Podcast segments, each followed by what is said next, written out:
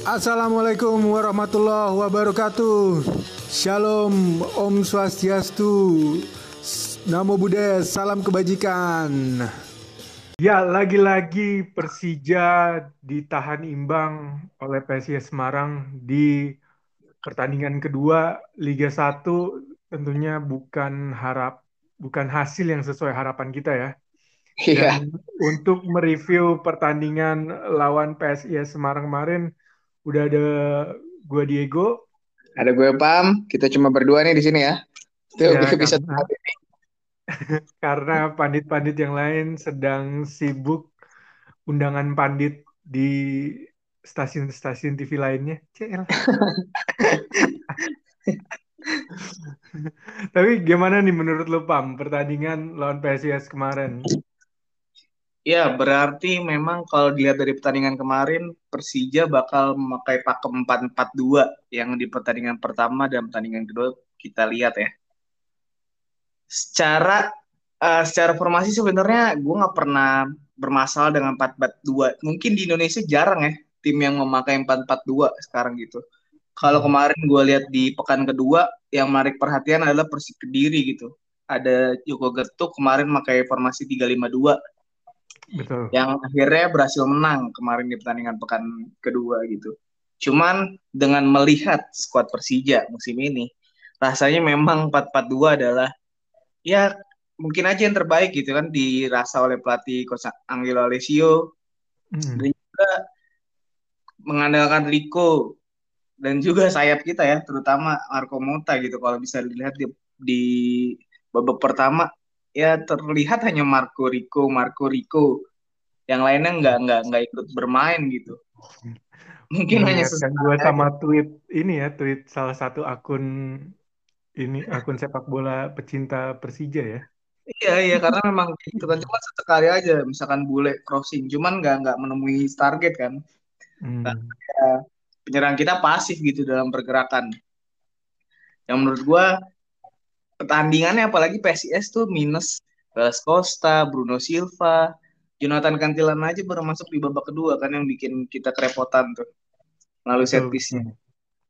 Iya, Nah. menurut gua ya PSIS memang mungkin performanya lebih reaktif ya dia nunggu Persija untuk babak pertama nahan dulu, nggak terlalu tampil keluar gitu. Mau lihat sebagai sejauh mana Persija bisa dominasinya di lini tengah. Menurut gua strategi coach Imran Humururi berhasil ya memaksimalkan dan melihat dan merespon Persija pada saat itu. Apalagi pertandingannya hujan gue. Slogan slogan lama dari PSIS itu Semarang jago becek. Yo, seorang jago becek. Benar-benar menjadi momok gitu kan. Iya sebenarnya pertandingannya nggak terlalu menarik kalau buat gua ngelihat kita kan sebelumnya kita nonton stadion Persija lawan Borneo yang bermain dengan skuad. Wah sekarang skuad Persija hanya seperti ini. Praktis ya memang motor serangan dan juga pengendalian bola memang harusnya lebih bagus. Cuman ya berat lah untuk mengarungi Liga 1 nih. Apalagi main pekan tiap pekan sekarang udah udah inilah ya udah tenang lah ya. Udah continue lah ya. Intinya gitu kalau menurut lu gimana gue buat pertandingan kemarin tuh lawan Semarang Hmm, pertandingan kemarin lawan Semarang sebenarnya menurut gua dari babak pertama sampai pertengahan babak kedua lah. Mhm. Persija udah mulai lebih baik sih sebelum bermainnya. Iya sebelum hujan tuh terutama Persija tuh udah lebih baik mainnya dibandingkan sama pertandingan sebelumnya Mhm. lawan PS Sleman. Di mana passingnya udah mulai oke, build up-nya oke, tapi lagi-lagi ini eh, udah pertandingan kedua, tapi ya mungkin gue juga nggak ada masalah gitu kalau misalkan Angelo Alessio emang pengen pakai sistem dengan formasi 1442 tapi kayaknya emang kelihatannya eh, pemain-pemain masih perlu adaptasi lebih lanjut lagi ya sama sistem Iya, ini. Hmm, benar-benar. karena kita lihat ya walaupun saat build up udah mulai rapi tapi ketika masuk ke area pertahanan lawan ke area pertahanannya PSIS itu Hmm. udah mulai nggak jelas tuh Iya, iya. banyak bola-bola yang akhirnya mandek karena uh, pergerakan tanpa bola pemain-pemain Persija tuh nggak sinkron gitu antara satu sama yang lain kayak masing-masing tuh masih bingung si misalkan si bule saat overlap si Osvaldo harus gerak ke mana ya, atau ya, saat sayapnya masuk ke tengah bule harusnya ke mana dia juga nggak tahu. Akhirnya ya bingung. Passing-passing passing-passing di luar kotak penalti doang akhirnya. Jadi ngebentuk kayak kalau uh, Pep Guardiola bilang tuh kayak tapal kuda gitu pola tapal yeah. kuda. Jadi passingnya cuma ngebentuk letter U doang. Nggak masuk penetrasi ke kotak penalti lawan. Nah ini yang harus cepet-cepet diperbaiki nama Alessio gimana biar pemain-pemain itu ngerti gitu uh, antara satu sama lain chemistry-nya bisa cepet dapet saat misalkan uh, Rico ngebuka lebar, Marco Mota masuk underlap, nyerang half space gitu misalkan. Yeah.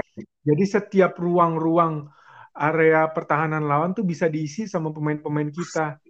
Dan satu lagi yang menjadi catatan buat gue adalah lagi-lagi peran uh, pemain tengah yang bisa mengatur tempo, bisa menjadi tumpuan uh, kunci passing-passing di tengah tuh masih belum ada kemarin. Iya, karena pastinya nggak ada yang berbahaya Pastinya nah, betul. pasti aman ya. Betul dan lagi-lagi ketika lo berhadapan dengan tim yang bermain dengan performasi uh, blok rendah seperti. PSIS yang bermain menunggu di depan kotak penalti uh, sendiri, kuncinya adalah apakah lo melakukan passing cepat di ruang antar lini formasi mereka atau lu cepat melakukan switch play Iya, iya benar itu. sisi lapangan ke sisi lapangan yang lain buat ngegeser formasinya si PSIS ini. Nah, switch play ini nggak bisa dilakukan karena kita nggak punya pemain gelandang yang bisa melakukan itu gitu loh. Mm-hmm. Gue ngelihat mungkin switch play beberapa kali dilakukan sama Rohichan, cuman nggak ada setelah hmm. bola sampai ke Rico tuh nggak ada pergerakan lagi antara Osvaldo nah, atau nah, kayak, kayak setelah dikasih ke Rico, ya udah terserah deh lo bikin apa kayak kok. Iya. membuat keajaiban Iya jadinya makanya tapi yang menarik tuh adalah uh, ini gue melihatnya Osvaldo sama Simic nih yang kemarin kita sesuai hmm. gue prediksi lah ya kan Simic sama Osvaldo ya. di depan gitu. Yang proses gol kedua itu merupakan dari hasil kreasi antara Nico, Osvaldo dan juga Simic yang Betul. menurut gue itu kan hasil PSIS sedang keluar ya menyerang ya. Hmm. Sedang keluar menyerang. transisi itu. ya sedang transisi. Itu bukan sesuatu yang biasa dilakukan oleh Marco Simic sebenarnya. Iya. Ya kan? Tapi itu yang dibutuhkan sebenarnya pergerakan-pergerakan seperti itu nah selain pergerakan yang uh, berujung golnya Marco Simic itu sebenarnya Marco Simic ini juga gerakannya terlalu statis sih kalau menurut gue kemarin pertandingan lawan PSIS kayak dia tuh larinya terlalu linier gitu. Iya, iya. Kalau misalkan lo ngelihat pertandingan Milan semalam lawan Lazio, golnya iya. Ibrahimovic. Yeah. Oke, okay, dia nunggu dulu ya kan, tiba-tiba yes, sprint ke depan. Saat si Rebic uh, lari di sayap, dia lari dulu kan tuh. Mm-hmm. Lari mancing back lawan ke uh, tiang dekat dulu. Baru yeah. saat Rebic mau crossing, dia lari ke tiang jauh. Jadi yeah back itu udah kepancing ke tiang tiang deket dulu, di tiang jauhnya udah kosong gitu loh. Yeah. Nah itu nggak dilakukan sama si Mitch setiap sayap-sayap kita uh, siap-siap melakukan crossing atau mau melakukan trupas, mm-hmm. akhirnya dia gampang diantisipasi sama back-back lawan. Iya gitu. iya. Itu yang itu. juga gue lihat sama uh, pemain depannya Persebaya yang baru Wilson ya kan? Ya betul. Yang kemarin menang 3-1 itu juga menurut gue salah satu gol-golnya merupakan dari pergerakan dia yang melihat ruang sehingga pemain tengahnya bisa ngumpan ke posisi yang enak gitu. Betul. Nah, harus lebih pinter sih pergerakan off the ball kita dan itu juga nggak cuma si Mitch gitu. Pemain-pemain mm-hmm. kita yang lain juga gerakan off the ball-nya tuh masih belum bisa uh, membuat mereka menciptakan ruang kosong yang bisa dieksploitasi gitu akhirnya. Akhirnya gitu permainannya jadi bikin kita gregetan sendiri. Iya.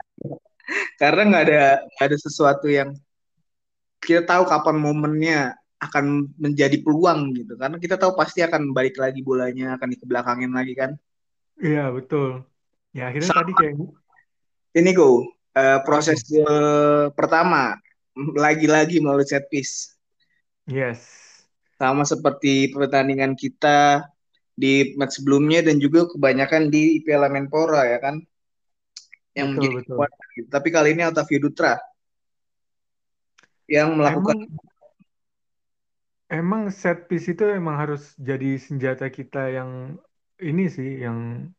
Betul-betul harus dimanfaatkan sih. Emang udah kelihatan dari pas uh, Piala Menpora kita punya keunggulan di skema-skema set piece itu emang kayaknya udah dirancang khusus deh sama iya. uh, tim pelatihnya Persija. Dan setahu gue emang uh, salah satu jajaran staf pelatihnya Persija itu uh, coach Endoy itu ini motor uh, workshop video analisis gue dulu. Iya.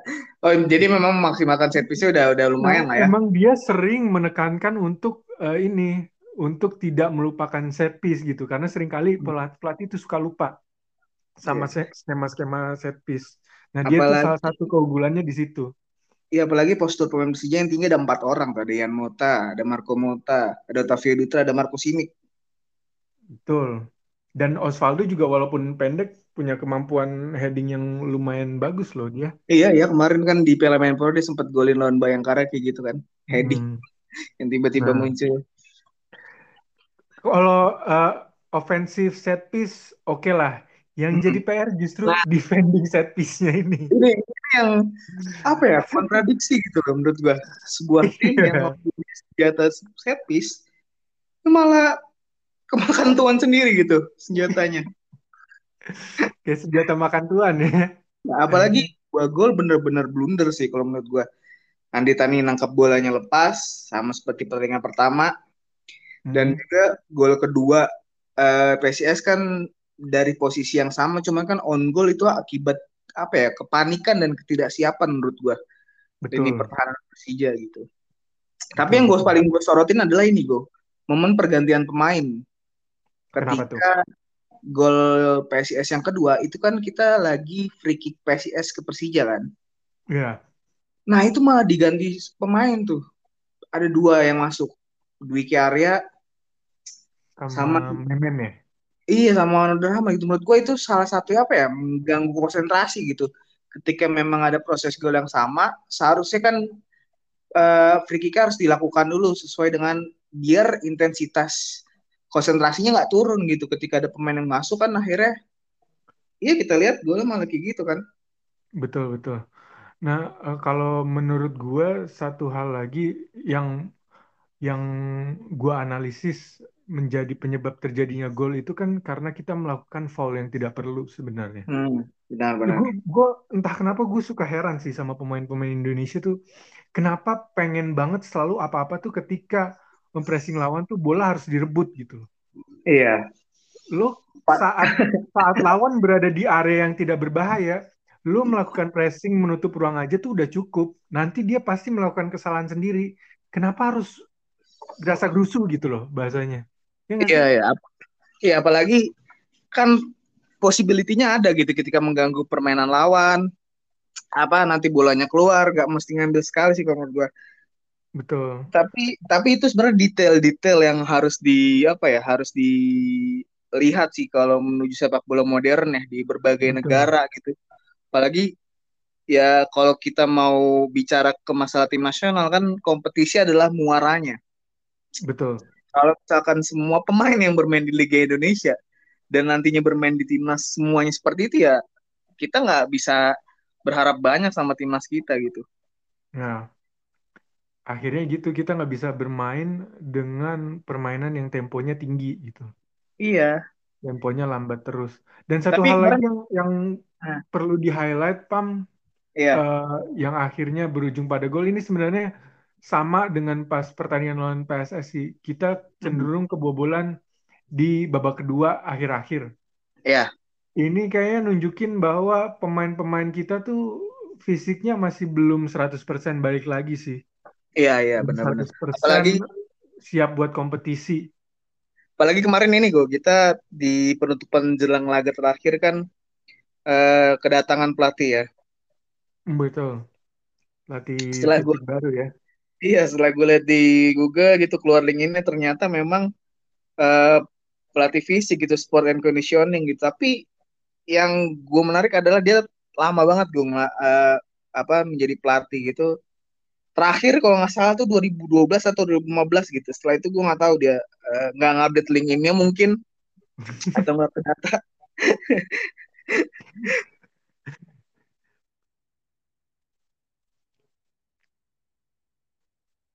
Staf pelatih dan pelatih berarti memang ada fisiknya yang yang harus dibenahi gitu kan. Betul.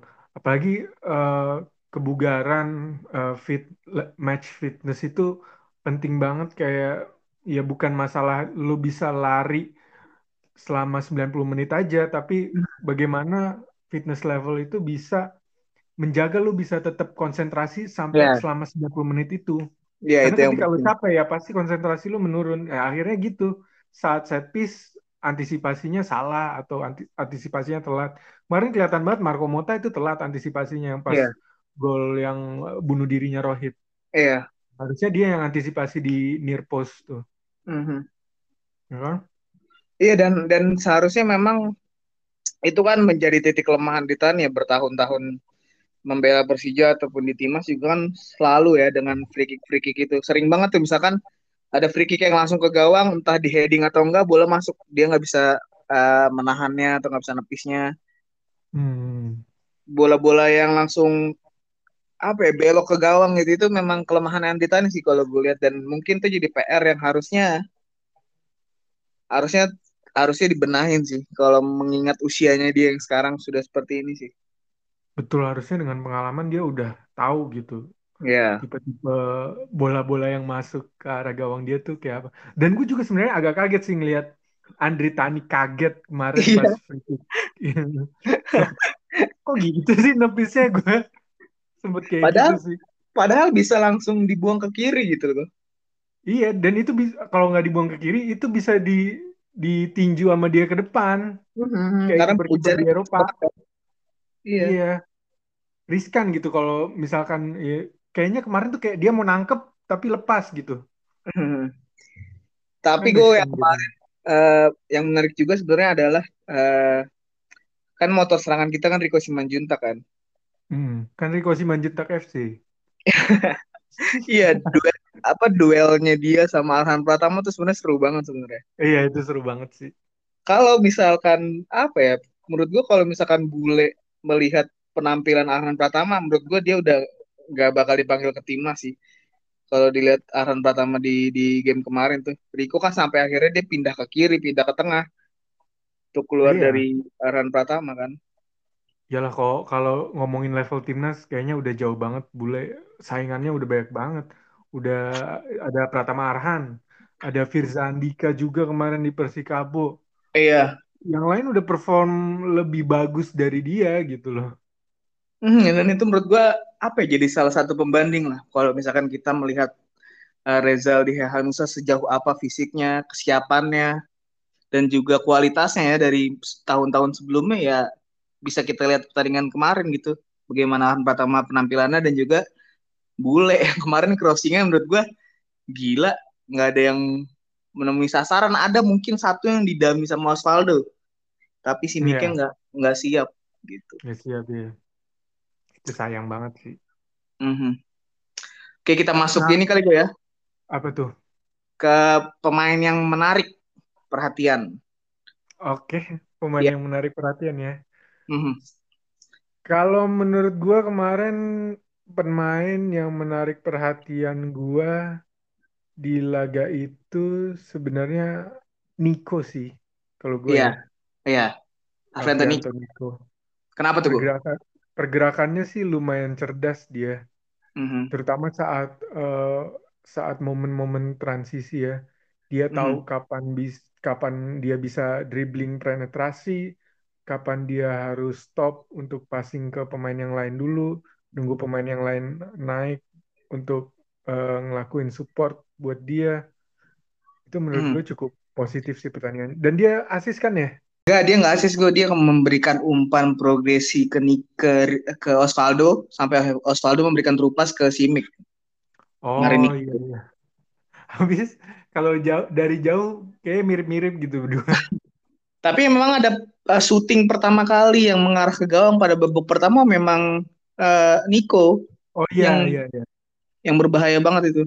Yang di cutback dari Rico ya? Iya. Rico ke Nico. Tapi memang uh, kalau gue lihat sentuhannya dia, pengambilan keputusannya dia, gue, menurut gue hmm. memang gue apa ya menarik gitu. Memang ternyata memang punya kualitas dan juga bakat. Dan gak heran ketika Pep Guardiola mempercayakan Nico ke starting line up pada waktu uh, Piala Menpora sampai akhirnya sekarang masuk. Coach Alessio tetap dipakai kan? Hmm, emang kelihatan ya berarti hasil tempaan zaman Garuda Select-nya masih iya. terpakai. Garuda Select dan juga Persija Academy ya kan? Iya betul. Kalau dari PSIS-nya ada nggak? Kalau dari kalau dari PSIS-nya gua Dewangga sih kalau gua. Wah. Alfian Dewangga. Sama. Sama. Gila itu badak banget dia kemarin mainnya. Gila gue gimana ya? Gue jarang ngelihat pemain back uh, Indonesia, pemain muda apalagi kan, mm. dengan kaki kiri, penampilan yang konsisten ya kan, berani juga duel-duel sama Simic. Dan tadinya gue pikir kan Wallace Costa nggak main bakal mm -hmm. ini kan bakal limbung gitu pertahanannya yeah. PSIS. Ternyata dengan adanya Alfianto Dewangga betul-betul bisa mengisi kekosongan itu ya. Iya, apalagi kalau misalkan dilihat itu nama muda semua, Alhan Pratama, Alfianto Dewangga, benar-benar menjaga pertahanan PSIS menurutku baik banget sih. Iya, ini benar-benar uh, salah satu tim to watch ya PSIS hmm. dengan young guns-nya kalau kalau gue gue pemain yang menarik perhatian adalah sebenarnya Osvaldo gitu ketika dipasangkan oh, sama oh, iya. Simic di ya, betul. duet lah kalau kemarin sempat Taufik ya kan sama Simic ya. selanjutnya adalah Osvaldo gitu cuman di babak pertama memang nggak terlihat pembagian peran sebenarnya Osvaldo dan Simic gitu siapa yang harus menjemput bola siapa yang harus membuka hmm. ruang gitu hmm. Tapi di babak kedua yang menurut gue menarik sehingga banyak banget peluangnya harusnya bisa dikonversi menjadi gol oleh Osvaldo gitu. Betul. Dan emang harusnya di sistem atau di formasi 1442 itu dua striker di depan emang harus yang beda tipenya sih. Iya. Beda kayak waktu lawan PSS kemarin kan si Mitch sama Taufik sama-sama nomor 9 gitu tipenya. Iya. Jadi mandek. Oh, iya. ini agak lebih mendingan gitu. Uh, tapi gue juga nggak tahu nih, ini mungkin analisa atau asumsi gue gitu. Ketika memang si Mick sama Osvaldo nih apa ya belum mengerti satu sama lain gitu passing yang diminta satu sama lain gitu bola yang mana yang diinginkan karena ter, apa misalkan uh, keputusan diambil sama Osvaldo si Mick marah Osvaldo ngambil keputusan atau si Mick ngambil keputusan uh, terlihat Osvaldo-nya nggak puas gitu kan sama keputusan Simic. Menurut gue itu harus dibenahin sih di pertandingan di pertandingan selanjutnya lah. Iya. Karena vitalnya di situ kan kalau 4-4-2 gitu. Iya, kalau 4-4-2 tuh duet strikernya harus benar-benar punya chemistry yang bagus sih.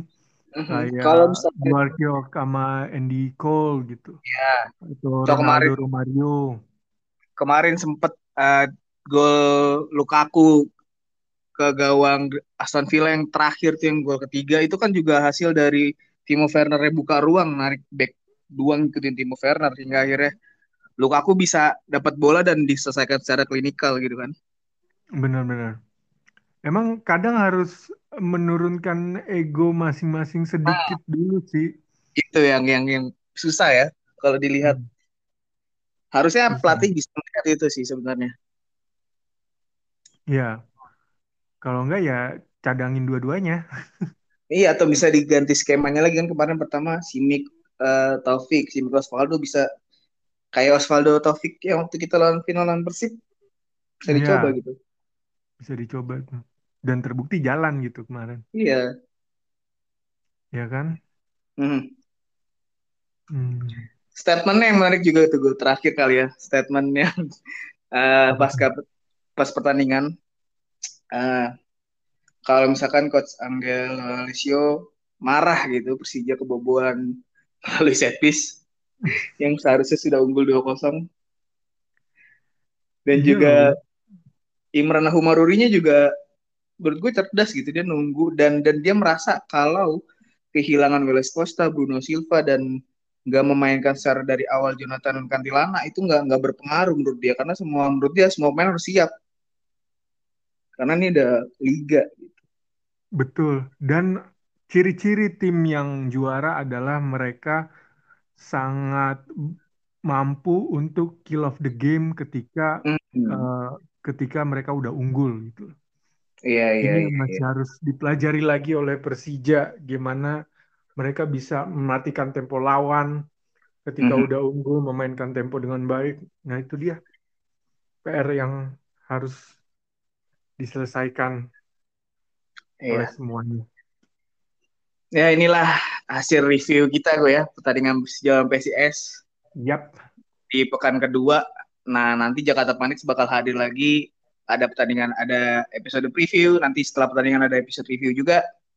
Jadinya jangan lupa di follow Instagramnya atau di follow Spotify-nya supaya kita bisa upload lebih cepat lagi lah.